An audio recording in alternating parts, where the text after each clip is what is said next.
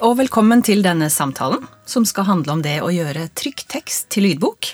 Nærmere bestemt så skal vi snakke om boka Åg, som kom ut i 2016, og Norsk lyd- og blindeskriftbiblioteks adaptasjon av denne til lydbok, og de ulike tinga vi møter på i det arbeidet. Og til å snakke om dette så har vi med oss forfatteren av boka, nemlig deg, Veronica Salinas. Velkommen. Tusen takk. Hei. Så har vi deg som leste inn denne boka hos oss i NLB, Charlotte Grundt. Velkommen. Takk. Jeg heter Kjersti Nensæter, og jeg jobber som innlesingsveileder i NLB. Og vi skal berøre begrepet grenser på litt forskjellige måter i dag. Aller først så skal vi snakke om begrepet grense som barriere. Eh, og så skal vi gå over og snakke om grense i betydningen de grensene vi møter på i arbeidet når vi gjør om en trykk tekst til lydbok. Og så er det jo også sånn at boka i seg selv tematiserer begrepet grense. Alt dette skal vi snakke om. Aller først, Veronica, du jobber også i Lesersøkerbok, så vi brenner for mye av det samme.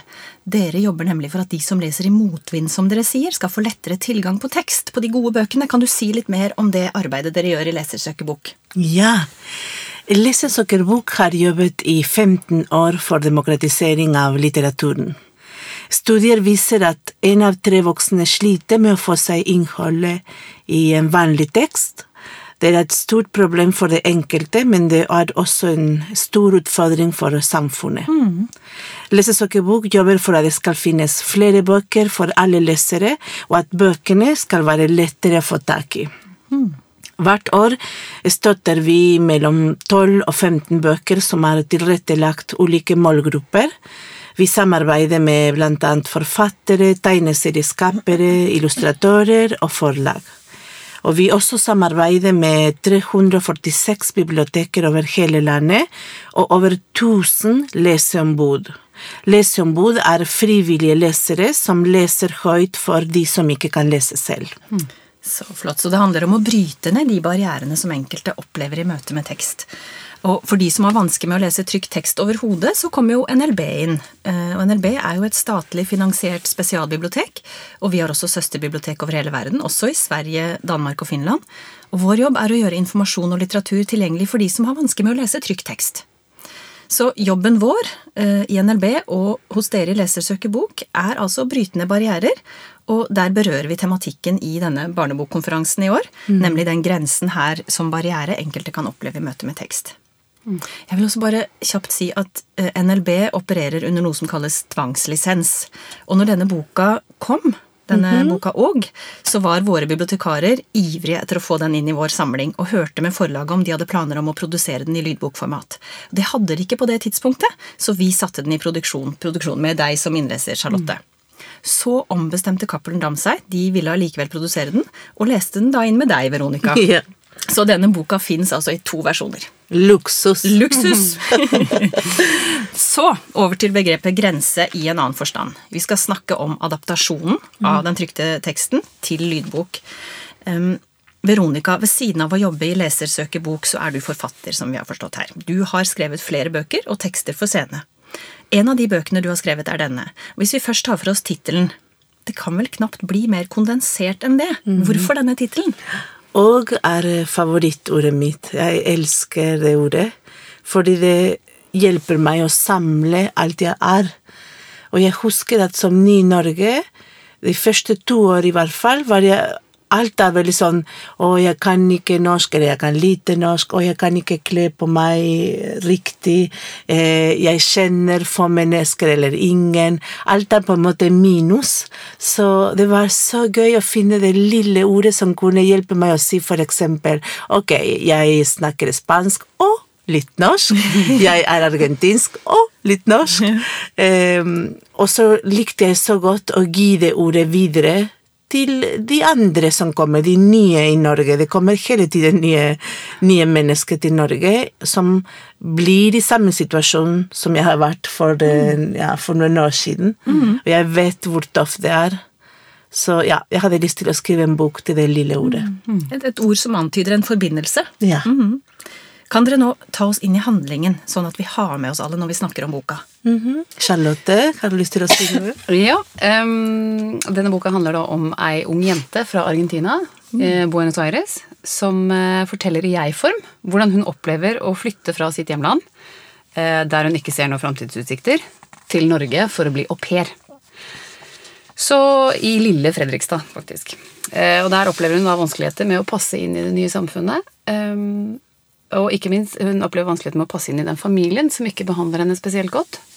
Og hun kjenner hele tiden på hvilken barriere det er å ikke mestre språket, som du sa. Eh, og hvor fratatt hun, eller man da er muligheten til å kunne forstå og til å kunne formidle. Ja.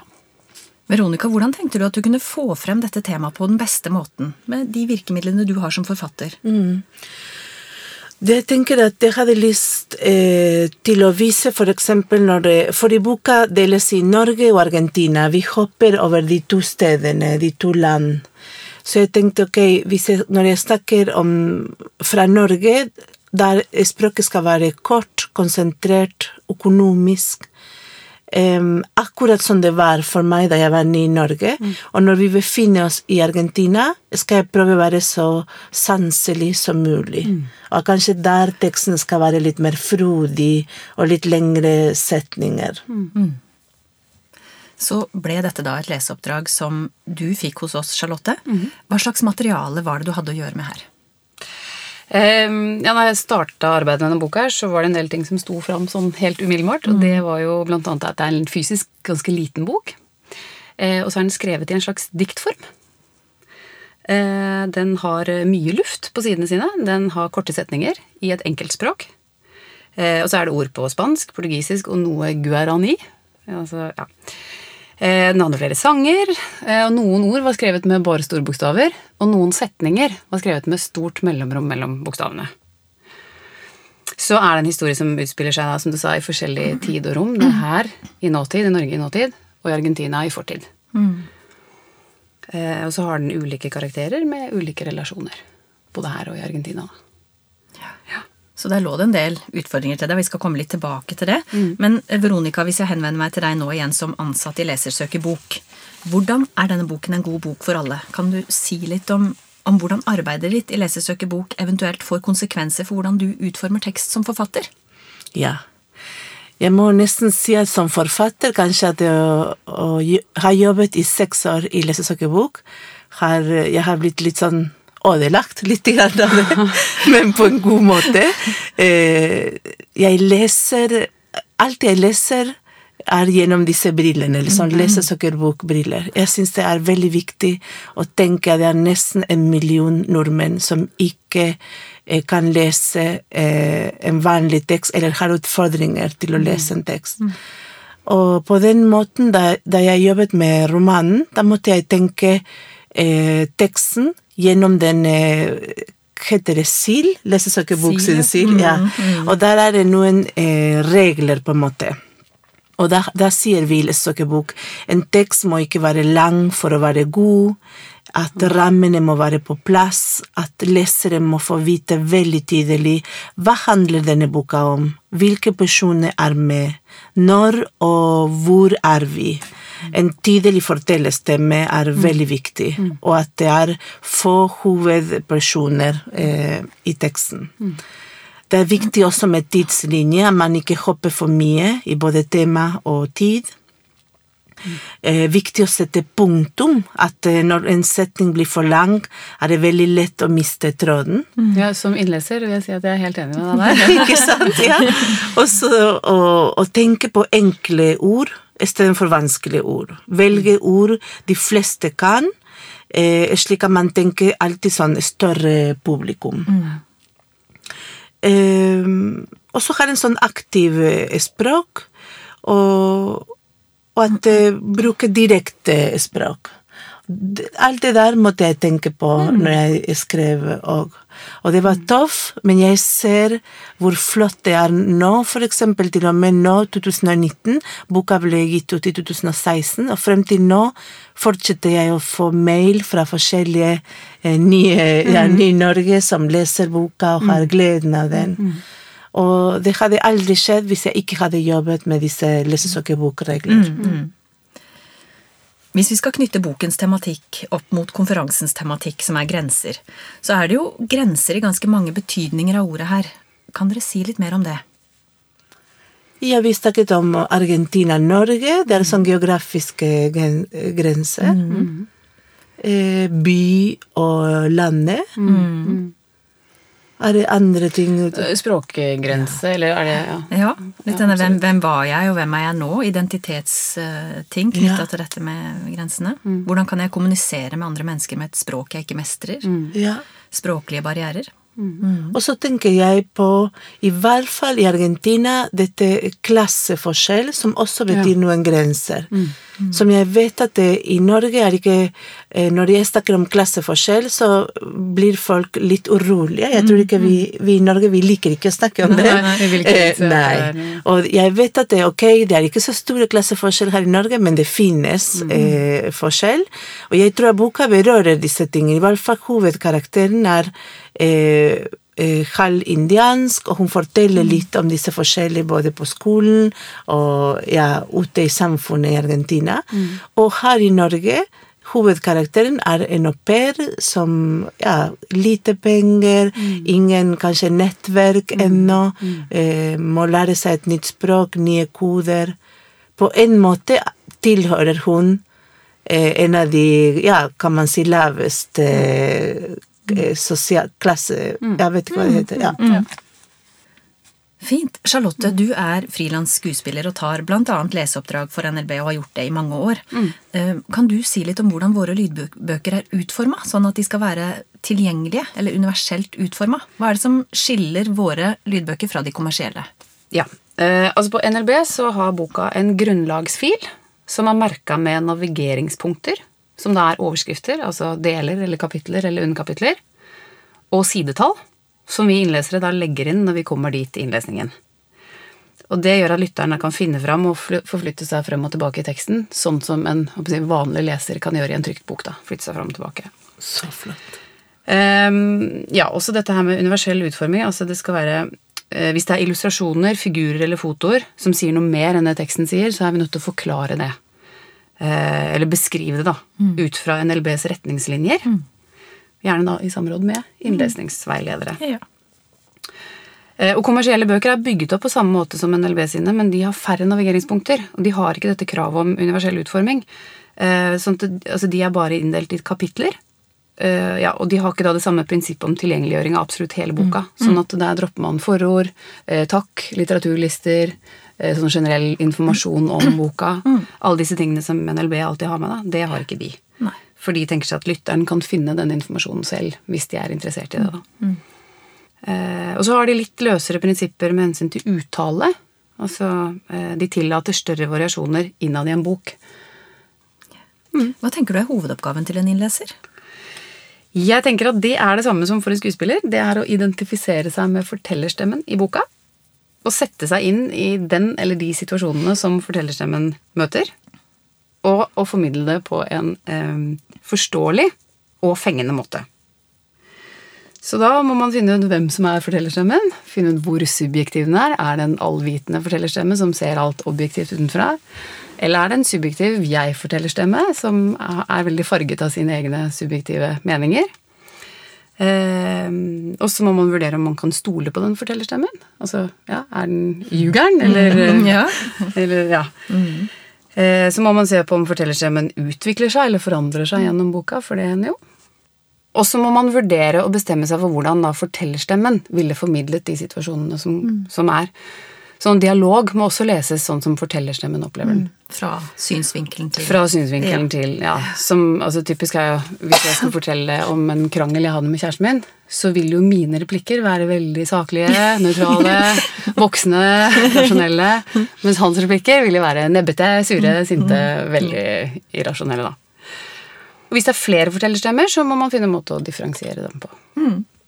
Eh, Så eh, skal jeg formidle historien sånn som den fremstår. Altså jeg må, jeg må bruke de virkemidlene jeg har i studio til å fortelle eller dramatisere.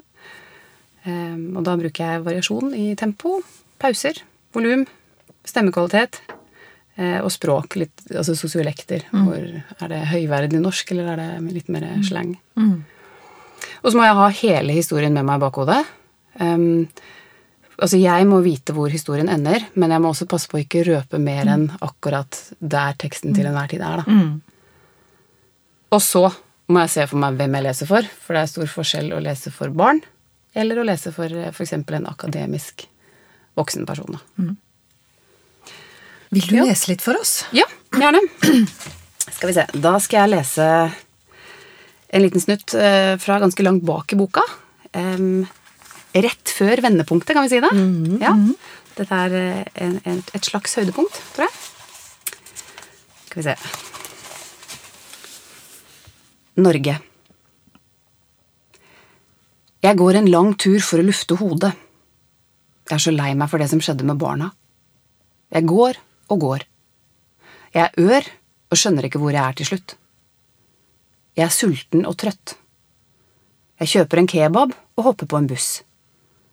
Jeg setter meg ved midtgangen på en av klappstolene. Jeg spiser kebaben. Du, det er ikke lov, hører jeg noen sier høyt. Jeg ser meg rundt. Prøver å finne ut hva det er snakk om. Men folk jeg ser på, ser bare bort. En dame går mot bussjåføren og sier noe. Jeg forstår ikke helt, men sjåføren sier noe om noe som ikke er lov. Jeg ser meg rundt igjen. Bussjåføren ser på meg. Jeg ser på ham. Damen ved siden av meg sier, Hører du ikke? Hun minner meg om mammaen til barna. Hun ser så sint på meg. Unnskyld, sier jeg. Bussen har stoppet, og sjåføren sier, Det er ikke lov å spise på bussen. Gå ut av bussen. Hva? sier jeg. Det er ikke lov å spise på bussen. Hvor mange ganger må vi si det? roper en mann. Jeg kjenner at jeg blir nummen i kroppen. Er det virkelig meg de mener? Gå av bussen, for faen, sier mannen. Jeg vil ikke komme sent hjem på grunn av deg. Jeg klarer ikke å bevege kroppen. Dra tilbake til landet ditt, sier en annen dame. Jeg trodde jeg kunne spise på bussen, sier jeg. En gang så jeg noen spise pølse på bussen, og en annen gang noen som spiste yoghurt, sier jeg. Noe så frekt, sier en dame. I alle dager, gå ut! Sjåføren har åpnet dørene. Når kommer neste buss? spør jeg. En mann og en dame kommer mot meg. De holder meg rundt armene og får meg ut av bussen. Jeg skjønner fremdeles ikke at dette skjer meg. Jeg prøver å ikke miste vesken, men da mister jeg kebaben på gulvet. Jeg ser bussdørene lukkes. Jeg står igjen i mørket på gata. Jeg er så forvirret. Jeg vet ikke hvor jeg skal gjøre av meg. Så jeg bare går. Takk. Hvis vi kan snakke litt om denne diktformen. Hvis du kan si litt først, Veronica, om hvorfor du har valgt en slik form når du skrev den, og så kan du få følge opp, Charlotte, med hvordan du har forholdt deg til denne formen når du leste i boka. Dikt er, er veldig nær meg av flere grunner. Eh, både fordi jeg elsker dikt og kroppen til dikt, men også fordi dette er tilrettelagt litteratur, så det, det ser ut som dikt akkurat fordi vi må skrive det skal være korte setninger, det skal være mye luft mellom linjer. Men også fordi jeg som ny i Norge ofte i hver situasjon jeg skal beskrive, kan jeg ha for eksempel eh, 50 ord på spansk og kanskje 10 på norsk. Fordi jeg har ikke så stor eh, ordforråd, heter det, eh, på norsk som jeg kan ha det på spansk. Selv om jeg har bodd nå i 17 år nå, så er det sånn fortsatt at jeg har mindre ord på norsk. Så da er det det ligger veldig naturlig for meg å skrive sånn, økonomisk, eh, sånn veldig konkret i, i korte setninger. Mm. Charlotte? Eh, ja, altså diktform For meg så er jo historien, altså innholdet, eh, viktigst. Eh, men diktformen hjelper jo ofte. Den hjelper meg å finne en rytme, den hjelper meg å finne flyt, den hjelper meg hvor skal jeg legge inn pauser, hvor kan jeg kjøre opp tempoet litt. Eh, den kan forklare, forklare eller beskrive brudd i både tid og sted. Eh, men av og til så ser jeg mer bort fra den formen, og så fokuserer på innholdet i selve setningene. Ja. Mm. Veronica, eh, Monica, som er venn av jeg-fortelleren fra norskkurset, eh, hun skiller seg fra jeg-fortelleren i skriftbildet i boka. Eh, Det er litt andre fonter og litt, litt mer luft mellom bokstavene og sånn. Kan du si litt mer om det grepet? Ja, det, jeg hadde lyst til å gjøre noe grafisk også i, i forhold til det, eh, hvordan snakker vi som er nye i Norge. Liksom at vi, ordene kommer litt mer hakkete ut, eller sånn Man lager unaturlige pauser, eller større pauser når man snakker. Mm. Det var jo, Du har vært litt inne på det, Charlotte, en del utfordringer som lå til deg her når du skulle ta fatt på dette prosjektet her. Noe var i store bokstaver, du har de ulike språkene, det er sanger her. Mm. Vi snakket også om Monica skrevet ut i en annen font osv. Når, når skriftbildet tydelig indikerer at her er det en som snakker dårlig norsk, f.eks., eksempel hvordan løser du det? Nei, Da må jeg prøve å tenke altså, hvordan, snakker, hvordan snakker jeg hvis jeg skal snakke på et annet språk? Eh, jeg vil jo bruke mer tid. Jeg vil jo kanskje snakke mer hakkete, men så vil jeg heller ikke lage det for hakkete, for det er jo en bok. Eh, Så, ja. Ehm, og så vurderte jeg hvor skal jeg legge på aksenter. For det kan jo være ganske gøy. Men karakteren i denne boka her er fra ganske mange forskjellige steder. Og du skal være ganske god på et språk for å kunne lage en troverdig aksent. Og, og det kan veldig lett vippe over i parodi, da, eller bli endimensjonale karakterer. Så eh, det valgte jeg ikke å gjøre. For jeg, jeg tenker også at det er en jeg-forteller som også eh, sliter med språket. Sånn at du tenker hun av respekt for seg selv ville kanskje ikke gjort narr av de andre karakterene ved å legge på aksent, da. Eh, Men det var jo fristende, for det er jo veldig gøy. Og særlig når du har skrevet til og med hun japanske jenta, har du jo skrevet med aksent. Altså en L istedenfor R. Det er jo veldig fristende. å prøve Fristende. Ja, ja. Men det gjorde jeg da ikke. Hvis vi kan snakke litt generelt om dette med dramatisering, Charlotte. Hvordan er det f.eks. med barnebøker kontra voksenbøker? Hvor går grensen for dramatisering? Kan man si noe om det? Ja, altså Før så sa jo NLB, eller NLB ville gjerne ha lydbøkene lest så nøytralt som mulig, for de mente at det var opp til lytteren å tolke teksten, ikke innleseren. Men så har man gått litt mer bort fra det, fordi at eh, jeg tror for og fordi, altså Man må jo gjøre noen valg. Det er umulig rett og slett å lese noe nøytralt. Ja. Så nå har man vel eh, gått mer over til å dramatisere mer. Um, og så må man, altså som lytter, så så må man bare må man akseptere de valgene innleseren har gjort. Fordi at hvis man ikke gjør det, så kan det bli smertefullt å høre en hel bok. Eh, ja. Ja, kanskje lettere Um, å få med seg historien nå, når, når innleseren tar tydelige valg. Ja. Det blir mer, stoffet blir mer tilgjengelig, altså. Absolutt, ja. Men så må man finne en balanse da, mellom å dramatisere Altså, du må indikere eller markere noe nok til at leseren får en følelse av noe av variasjoner og sånn, men så kan du ikke kline på for mye heller, for da kan det bli veldig slitsomt. Ikke kle på For- stoffet noe som stoffet ikke inviterer til. Det Nei. må være Ja. i tråd med teksten. Ja, absolutt. Denne Um, boka ja. viser jo også veldig godt hvor vanskelig det kan være å kommunisere når man holder på å lære et nytt språk, mm -hmm. og har noen eksempler på dobbeltkommunikasjon som kan være ganske festlige. Vil du lese litt for oss, Veronica? Ja. Norge. Monica er ikke på skolen i dag. Ayo fra Japan setter seg ved siden av meg. Det er hun som ikke kan si R- eller P-lyden. Hun sier for eksempel å åpne dålen. Jeg må konsentrere meg når jeg prater med henne, jeg må bytte inn de riktige bokstavene, skjønne når det skal være R og når det skal være P. Jeg har vondt i magen i dag, jeg har lyst til å si det, jeg har vondt i magen, jeg sier det ikke. Vi jobber med en oppgave, jeg går ut av klasserommet, jeg kjenner at det kniper i magen, jeg går inn igjen, setter meg ned, har du det bla? sier Ayo. Jeg har fått diaré, sier jeg. Så koselig, smiler hun. Takk. Charlotte, i forlengelsen av dette med dramatisering, hvilket spillerom har du i formidlingssituasjonen i studio? Um, ja, et studio er ganske lite, da. Og så snakker jeg rett inn i mikrofonen, som er ca. 10 cm fra ansiktet. Jeg må prøve å holde ansiktet ganske rett foran mikrofonen. Eh, og da blir det jo litt begrensninger for hvor mye jeg kan dramatisere. Eh, en gyllen regel er at vi regner mikrofonen for å være eh, øret til lytteren. Det, så det sier at det er ganske intimt, da. Og så kan jeg jo ikke den teksten utenat, jeg må jo lese den så, samtidig som jeg gjør det tekniske, så det legger jo litt føringer for hvordan jeg kan bruke stemmen. Eh, og det er vanskelig å rope. Jeg må sitte ganske stille, sånn at det ikke kommer sånn masse klesrasling og knaking i ledd og, og sånne lyder inn. Eh, ja, og jeg kan ikke illustrere noe særlig med, med å sukke tungt eller snøfte eller gjespe, for det kan bli veldig stort, da, eller høres veldig stort ut. Så i, altså må man igjen passe på denne balansen i dramatiseringsgrad. Passe på at ikke det blir karikert. Hvis man ikke bevisst velger det, da. Um, men man må likevel markere nok. Uh, og en, um, et eksempel på, på, en bok som jeg nettopp har lest, hvor halve dialogen Altså den foregår på Nordpolen, og halve dialogen skal ropes gjennom stormen. og det er jo ganske krevende. Og det kan bli veldig slitsomt for lytterne å høre på, men samtidig så jeg valgte å rope det, da. Eller ganske, ganske rope det. Eh, fordi at jeg mener det sier så mye om, om det desperate og det kalde i situasjonen, og den vanskelige situasjonen. Men, du speiler eh, stoffet bedre på den ja, måten. Ja. Du, mm. Så får jeg se om jeg får noen tilbakemeldinger. Det kan jo hende det er helt uutholdelig å høre på, men eh, den sjansen måtte jeg ta. Ja.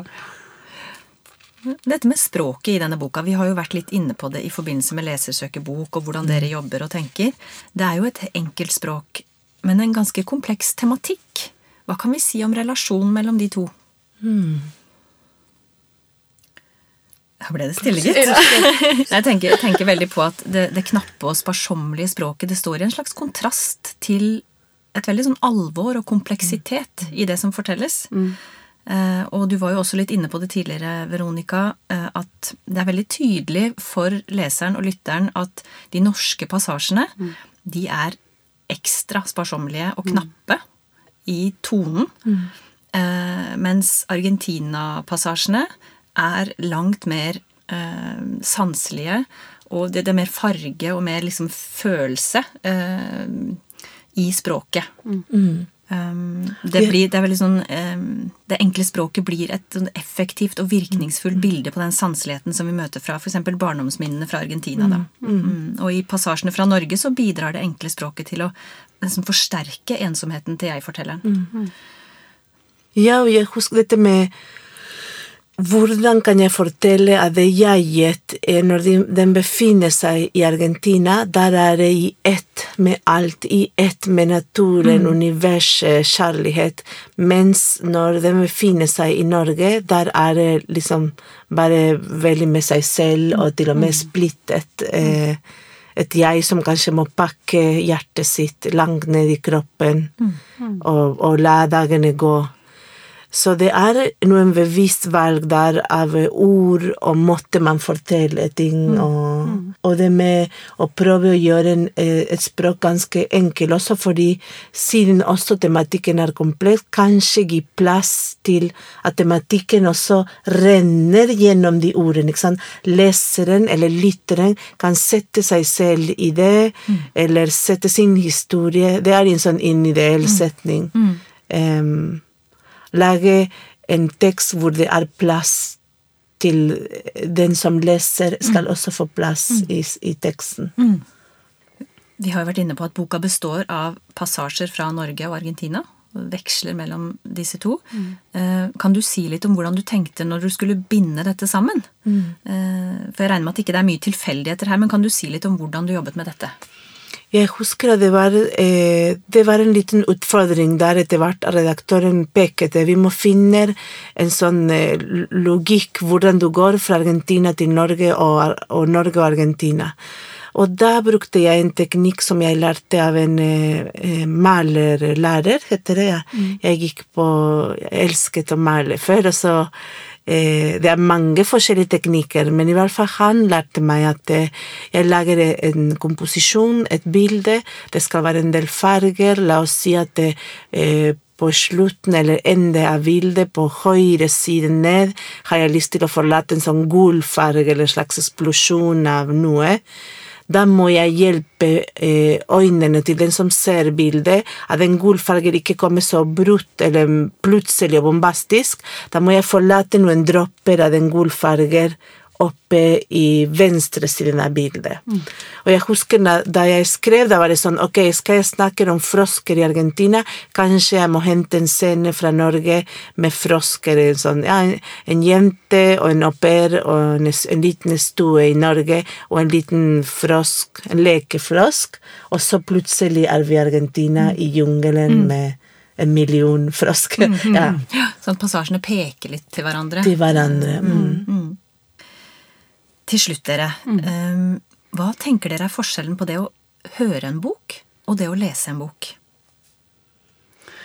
Jeg tenker jo kanskje at En av hovedforskjellene er at når man leser en bok, så bestemmer man tempoet helt selv. Og du kan fritt flytte deg fram tilbake teksten. Hvis du spacer ut et øyeblikk, så kan du bare gå tilbake og lese om igjen. Og du kan også ja, bla langt både tilbake og fram, da. Mens eh, når du hører en bok, så er du helt prisgitt eh, innleserens tempo. Og innleserens valg. Og det, som jeg sa i stad, det må man akseptere for å klare å høre på en hel bok. Da. Selv om man kanskje kan være uenig. Um, Og det er fantastisk at det finnes eh, lydbøker i vår moderne tid, hvor, eh, så i hvert fall jeg noen ganger har så knapt med tid, og samtidig savner jeg å, jeg har lyst til å lese en bok, men jeg må lage middag, jeg må fikse dette, jeg må rydde. Ja. Og en lydbok er helt perfekt. Ja. Da setter jeg på den og hører slik jeg kan høre på musikk eller en mm. podkast. Så det er sånn forskjellige formater som er perfekte i forhold til forskjellige tider. og ja. Mm, og lydbok kan du kombinere med andre ting. Ja. Ja. Andre gjøremål. Mm. Hva er forskjellen, tenker dere, på det å skulle formidle en bok som lydbok kontra det å lese høyt for et publikum? Og Charlotte var innom det, ikke sant, med i studio. Er det litt sånn ensom, du har ikke De lytterne er ikke til stede. Du, du må se for deg de lytterne. Ja. Mens i live så har du kontakt med de, øye, øyekontakt. Du kjenner pusten, latter eh, Og du kan avstemme måten du leser på ut fra Sant, det er en publikums slags reaksjoner. dialog. Og så er det jo mange, mens i, i lydbokstudio så ser man for seg at lytteren lytterne er én som du bare forteller sånn intimt til. Eh, og i lydbokstudio kan du ikke bruke noe gester eller mimikk eller eh, ansi ja, ansiktsuttrykk. Det er ingen som vil se det, i hvert fall. Nei, nei, det er klart du kan bruke det. Men, og det gjør vi sikkert òg, men, eh, men det er ikke så effektivt, da. Men eh, også er det jo eh, Eller det kan jo gå begge veier. altså du, med, Når du leser høyt for et stort publikum, så må du sørge for at siste rad også hører deg. Så da har du kanskje mindre muligheter i dynamikken i stemmen. da. Mm. Mens i studio så må du være forsiktig med de høye, høye det høye volumet igjen. Små er virkemidler gir store ja, utslag. Ja, ikke sant? Så fint. Takk. Nå skal vi avslutte, eh, og da vil vi gjerne høre litt mer fra deg, Veronica. Norge. Jeg skriver brev fordi jeg ikke kan sove. Samtale med Lola må ha musikk. Jeg setter på musikk. Chamamé. Yo soy boyero, no tengo pesares en tono cantares de amor. Tan solo quiero cuidar mi bollada porque sé que nada será mejor. Med en gang musikken starter, blir rommet frosker og ugler. Klokken er og jeg skriver, kjære, lille bestemor Lola, hvordan har du det? I huset hvor jeg bor, er en ovn som dufter av tre og ild. Denne deilige lukten minner om huset ditt. Det var alltid et tent bål hos deg. Jeg likte å se deg lage mat. Jeg så på deg og lærte av alt du gjorde eller sa. Jeg lærte at naturen er en del av oss, og at vi er en del av universet. Hos deg så jeg ikke på naturen, jeg var naturen. Jeg var innsjå, mais, en trebit på kjøkkenet ditt. Jeg var åpen landskap med stjerner over, og jeg var sand og tre med paradisepler. Jeg forsøker å finne disse følelsene igjen her i Norge, kjenne at jeg er en stjerne, sand, et tre, kanskje vil jeg føle meg mindre mislike, mindre lei meg, ikke så langt borte. Kjære Lola, kjære blomst med hvitt hår, ikke bli lei deg når du leser dette, jeg skal bli sterk.